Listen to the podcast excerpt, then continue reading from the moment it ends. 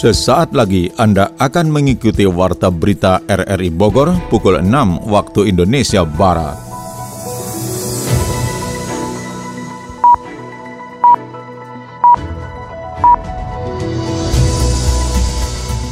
Selamat pagi, Saudara. Warta Berita Akhir Pekan RRI Bogor kami isi dengan rangkuman berita sepekan, Minggu 2 Mei 2021. Siaran ini juga dapat Anda dengarkan melalui audio streaming RRI Play dan juga bisa Anda dengarkan kembali melalui podcast kami di Spotify, Anchor, Podtail, dan Google Podcast.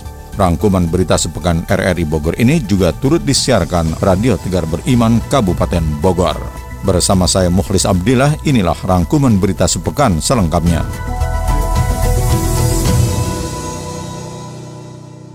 Saudara rangkuman berita sepekan kami awali dari pengungkapan pabrik rumahan tembakau sintetis di Ciawi, Kabupaten Bogor.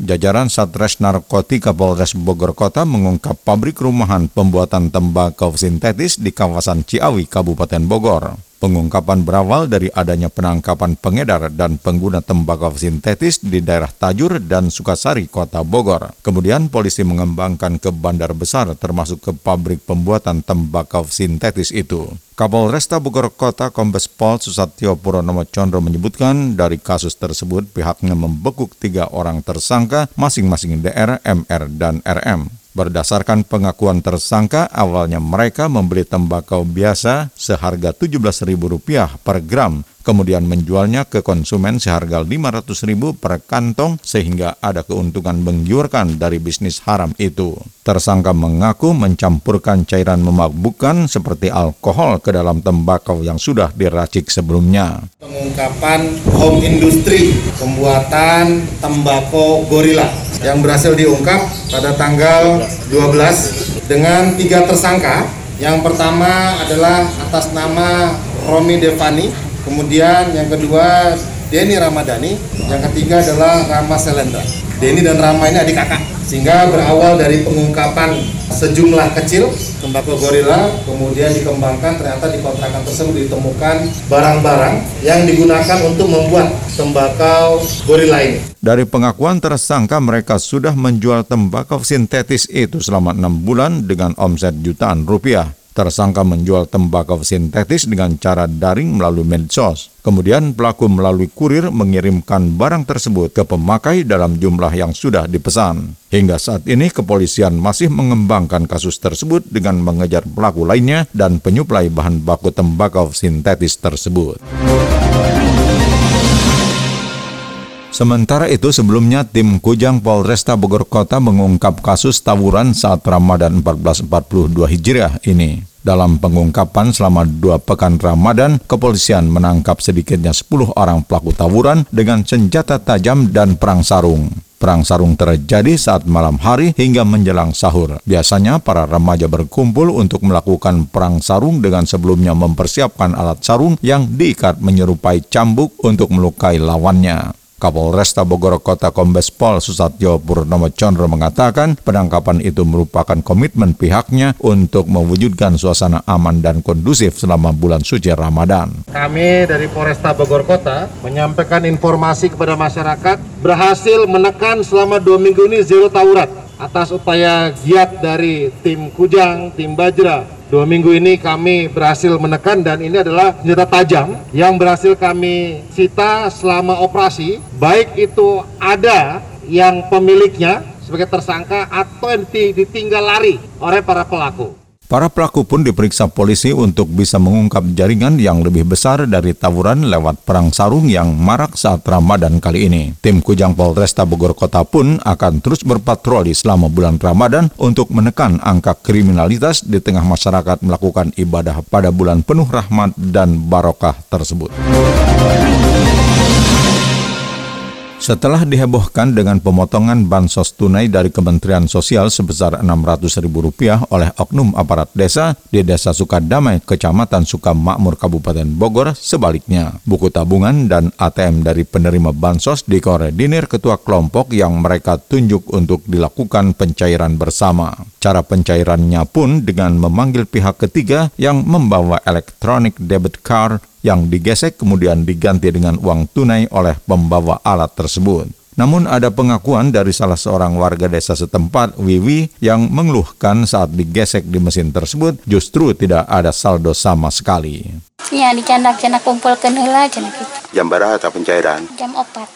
Jam opat Di, perkiraan. hmm, di Masaha. Di, iya, di dia. Di ibu iya ketua. Iya, ayah di dinya. Ayah di kartu. Nah, perkiraan anak merenan. Apa Berarti- dan tadi buka-buka. Sampai sekarang Belum. belum. Saldo yang seharusnya diterima lebih kurang 600 ribu belum dipotong administrasi seolah hilang. Ada dugaan pihak koordinator yang menyimpan ATM dan buku tabungan para penerima bansos sudah diambil sebelumnya. Namun hal itu ditampik Sekar, salah seorang koordinator program Keluarga Harapan sekaligus koordinator penerima bansos Kemensos itu. Biasanya bawa mesin ke sini dari pagi, betul, digesek di sini dan biasanya kami eh, bawa uang. Biasanya saya bawa uang ke sini. Nah, apabila memang ada kendala, berarti saya tidak cairkan.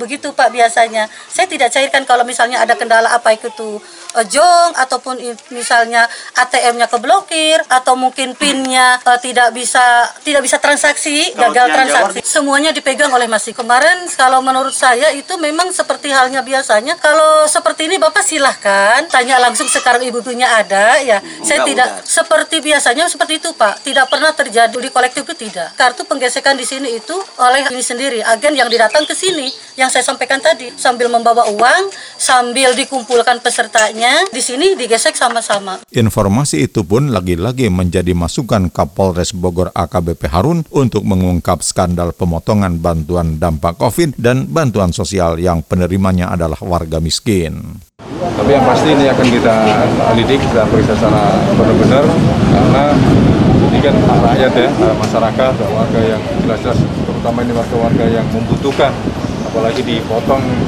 ini kan masih dalam penyelidikan ya kita masih eh, terlalu dini kalau menyampaikan eh, apa atau pidana apa tidaknya Di Kecamatan Sukamakmur Kabupaten Bogor tidak seperti daerah lainnya di kabupaten tersebut. Lokasi ATM jauh dari pemukiman warga, sementara warga menginginkan pencairan dana dari bantuan sosial itu bisa segera diterima. Untuk itulah para penerima bansos merelakan ATM dan buku tabungannya disimpan oleh koordinator PKH itu. pada seluruh 53 orang eh, KRI Nanggala 402 yang telah mengabdikan yang terbaiknya kepada NKRI. Ucapan berbelasungkawa mengalir dari jajaran TNI Polri, aparat Pemda Kota dan Kabupaten Bogor yang dipimpin dan Rem 061 Surya Kancana Bogor Brigjen TNI Ahmad Fauzi terkait gugurnya 53 awak KRI Nanggala 402, salah satunya Letkol Laut Elektronik Irfan Suri, warga Bogor yang tinggal di klaster Harmoni Perumahan BNR. Di rumah duka perwira yang bertugas di Mabes TNI Angkatan Laut itu sejak pagi sudah terlihat ramai oleh keluarga, kerabat, tetangga, dan handai tolan. Kakak ipar almarhum Andri Said menuturkan keluarga mendapat kabar duka secara resmi dari Mabes TNI AL tentang tenggelamnya kapal selam di mana adik iparnya itu bertugas. Menurut Andre, sosok almarhum Irfan Suri merupakan pribadi yang baik, taat beribadah, sehingga dirinya sangat kehilangan atas kepergiannya baik, lurus, tidak neko-neko, dalam bekerja juga serius, sholatnya juga baik, lima waktunya baik, istiqomah lah insya Allah. Sehari-hari memang bertugas di mana Pak almarhum? Di Mabes, Mabes TNI. Anda tengah mendengarkan rangkuman berita sepekan dari Radio Republik Indonesia Bogor.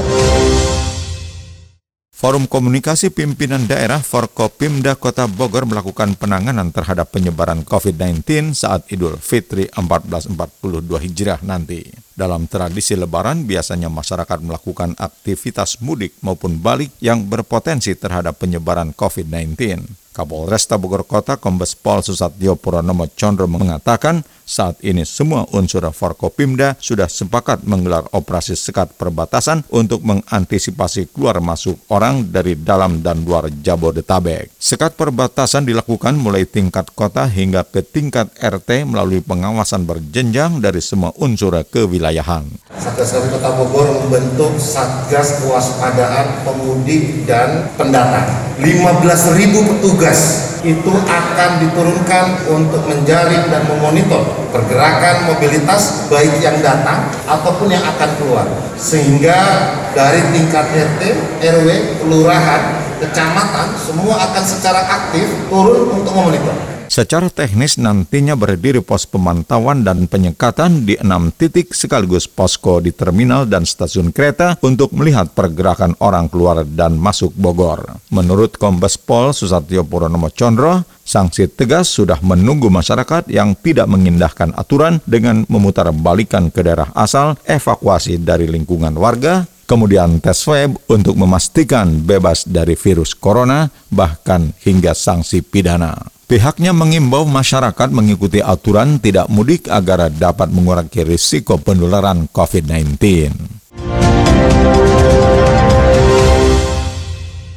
Sementara itu Polres Bogor melakukan penyekatan wilayah di sejumlah titik yang menjadi wilayah perbatasan menyikapi kebijakan pelarangan mudik oleh pemerintah. Meski begitu, pemerintah masih mengizinkan wilayah aglomerasi yang dapat pengecualian dari pergerakan kendaraan masyarakat termasuk di Kabupaten Bogor. Kasat Lantas Polres Bogor Ibtu Diki Pranata menuturkan, selain mengantisipasi pergerakan mudik, pihaknya juga akan melakukan pengecekan terhadap pergerakan masyarakat pada wilayah aglomerasi. Pengecekan yang dilakukan masih sama dengan aturan PPKM di Kabupaten Bogor, yakni dengan menunjukkan bukti swab antigen dan atau sertifikasi vaksin saat masuk atau keluar dari Kabupaten Bogor. Sementara yang sudah disepakati adalah aglomerasi diizinkan, tapi berdasarkan pergub PPKM di Bogor, wajib menunjukkan swab antigen. Artinya kita dalam rangka dan upaya untuk melindungi warga Kabupaten Bogor dan dapat menunjukkan surat vaksin. Jadi kalau dia sudah pernah vaksin, ada menunjukkan surat vaksin, ya artinya dia boleh mengunjungi, dia sudah aman. Satgas COVID-19 Kabupaten Bogor juga siap melaksanakan tes swab antigen secara acak terhadap pengendara mobil maupun sepeda motor di posko pemeriksaan.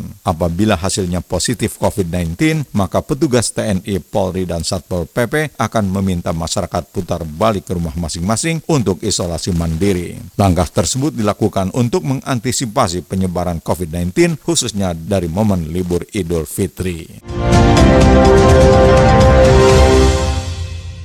Polresta Bogor Kota kembali memperlakukan sistem ganjil genap terbatas mulai Sabtu dan Minggu pekan ini. Sistem tersebut sempat diberlakukan beberapa bulan lalu saat angka COVID-19 meninggi. Kasat Lantas Polresta Bogor Kota Kompol Andrianto mengatakan dari evaluasi Satgas COVID-19 Kota Bogor, jalur sistem satu arah SSA Lingkar Istana dan Kebun Raya Bogor menjadi salah satu titik rawan berkumpulnya masyarakat terutama pada sore hari. Pada jalur itulah diberlakukan sistem ganjil genap mulai Sabtu Minggu pekan ini pada jam 15.30 hingga pukul 17.30. Kebijakan itu bertujuan membatasi arus masuk keluar SSA tersebut sehingga tidak terjadi kepadatan kendaraan di kawasan itu. Kita mendukung Satgas COVID-19 yang ada di Kota Bogor untuk pemberlakuan pembatasan mobilitas antara kecamatan lah, mobilitas eh, masyarakat yang ada di Kota Bogor guna mendukung PPKM Mikro untuk menghadapi masa lebaran dengan menggunakan sistem ganjil genap. Menurutnya secara teknis akan ada personil gabungan dari Satlantas Polresta Bogor Kota, Dishub, Satpol PP, termasuk Kodim setempat yang melakukan penyekatan di lima simpangan yang ada di jalur itu. Ini dilakukan guna menghindari kerumunan masyarakat untuk mencegah penyebaran COVID-19 di mana kasusnya kembali naik di kota Bogor pada akhir pekan lalu. Aparatur Pemkot Bogor terus berupaya melindungi masyarakat dari paparan COVID-19. Upaya memutus mata rantai penyebaran virus corona itu juga dengan meminimalisasi kerumunan saat beribadah. Wali Kota Bogor Bima Arya menyatakan untuk membatasi penularan COVID-19 maka dilakukan cara mencegah klaster baru. Untuk itu pencegahan penularan virus tersebut juga dilakukan di tempat ibadah selama Ramadan dan Idul Fitri nanti. Terkait ini, sholat Idul Fitri untuk tingkat kota Bogor ditiadakan untuk mencegah kerumunan, sedangkan untuk tingkat kecamatan dan kelurahan menyelenggarakan dengan prosedur kesehatan ketat menyepakati untuk meningkatkan pengawasan kapasitas di rumah ibadah baik taraweh maupun nanti di sholat id. Sholat id diperkenankan untuk diselenggarakan di wilayah dengan pembatasan kapasitas maksimal 50%, tetapi di tingkat kota ditiadakan. Jadi biasanya di tingkat kota ada penyelenggaraan sholat id ya, biasanya di balik kota atau di budaya. Tahun ini ditiadakan ini nanti diselenggarakan di tingkat lokal saja.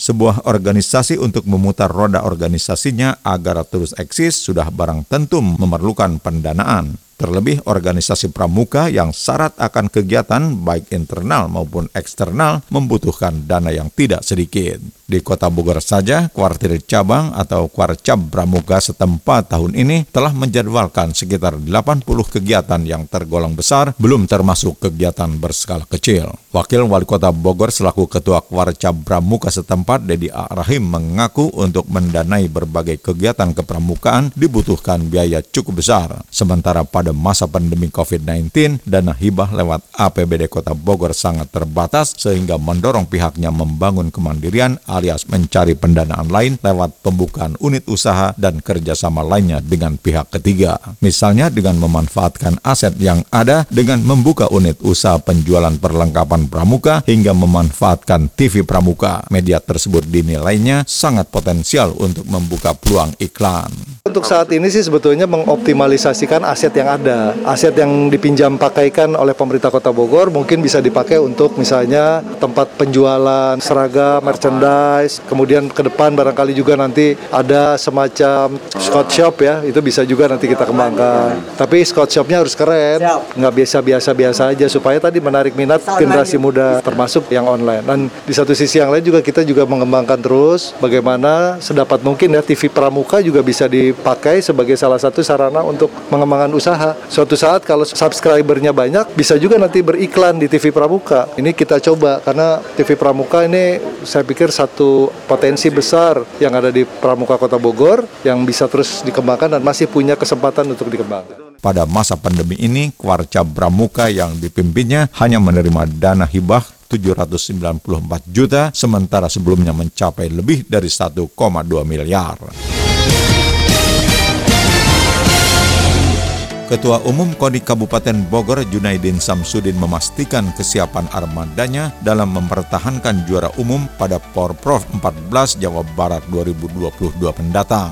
Pihaknya terus mempersiapkan KONI bersama cabur yang ada untuk berjuang mempertahankan gelar juara umum sesuai tagline KONI Kabupaten Bogor, Perkasa Pertahankan Kasta Juara. Salah satu strategi kita adalah itu dengan jargon perkasa. Kita tahu semua yang namanya perkasa itu adalah kuat, tapi di balik itu semua ada arti khusus. Perkasa adalah pertahankan kasta juara. Dengan perkasa ini mudah-mudahan atlet-atlet kita, atlet Kabupaten Bogor itu benar-benar perkasa dalam pertandingan yang akan datang. Sehingga akan memberikan yang terbaik dan mempersembahkan emas sebanyak-banyaknya untuk Kabupaten Bogor. Dalam Porprov mendatang akan ada 76 cabang olahraga atau cabur yang dipertandingkan di mana Kabupaten Bogor menurunkan menetapkan 68 cabur.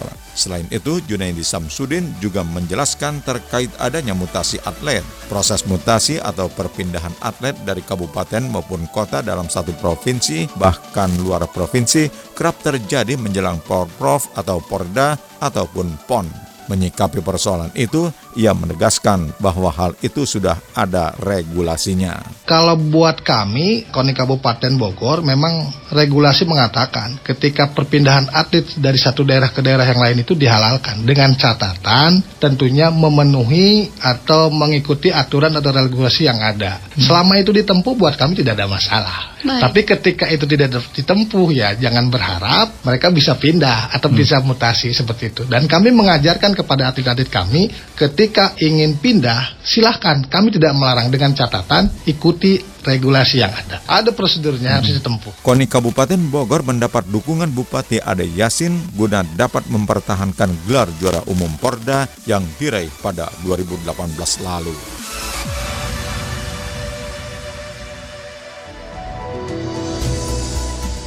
Saudara, demikian rangkuman berita sepekan. Siaran ini dapat Anda dengarkan kembali melalui podcast kami di Spotify, Anchor, Podtail, dan Google Podcast. Saya Muhlis Abdillah merangkap Des Editor bersama penata teknik Novel Noviansyah mengucapkan terima kasih atas kebersamaan Anda. Selamat pagi.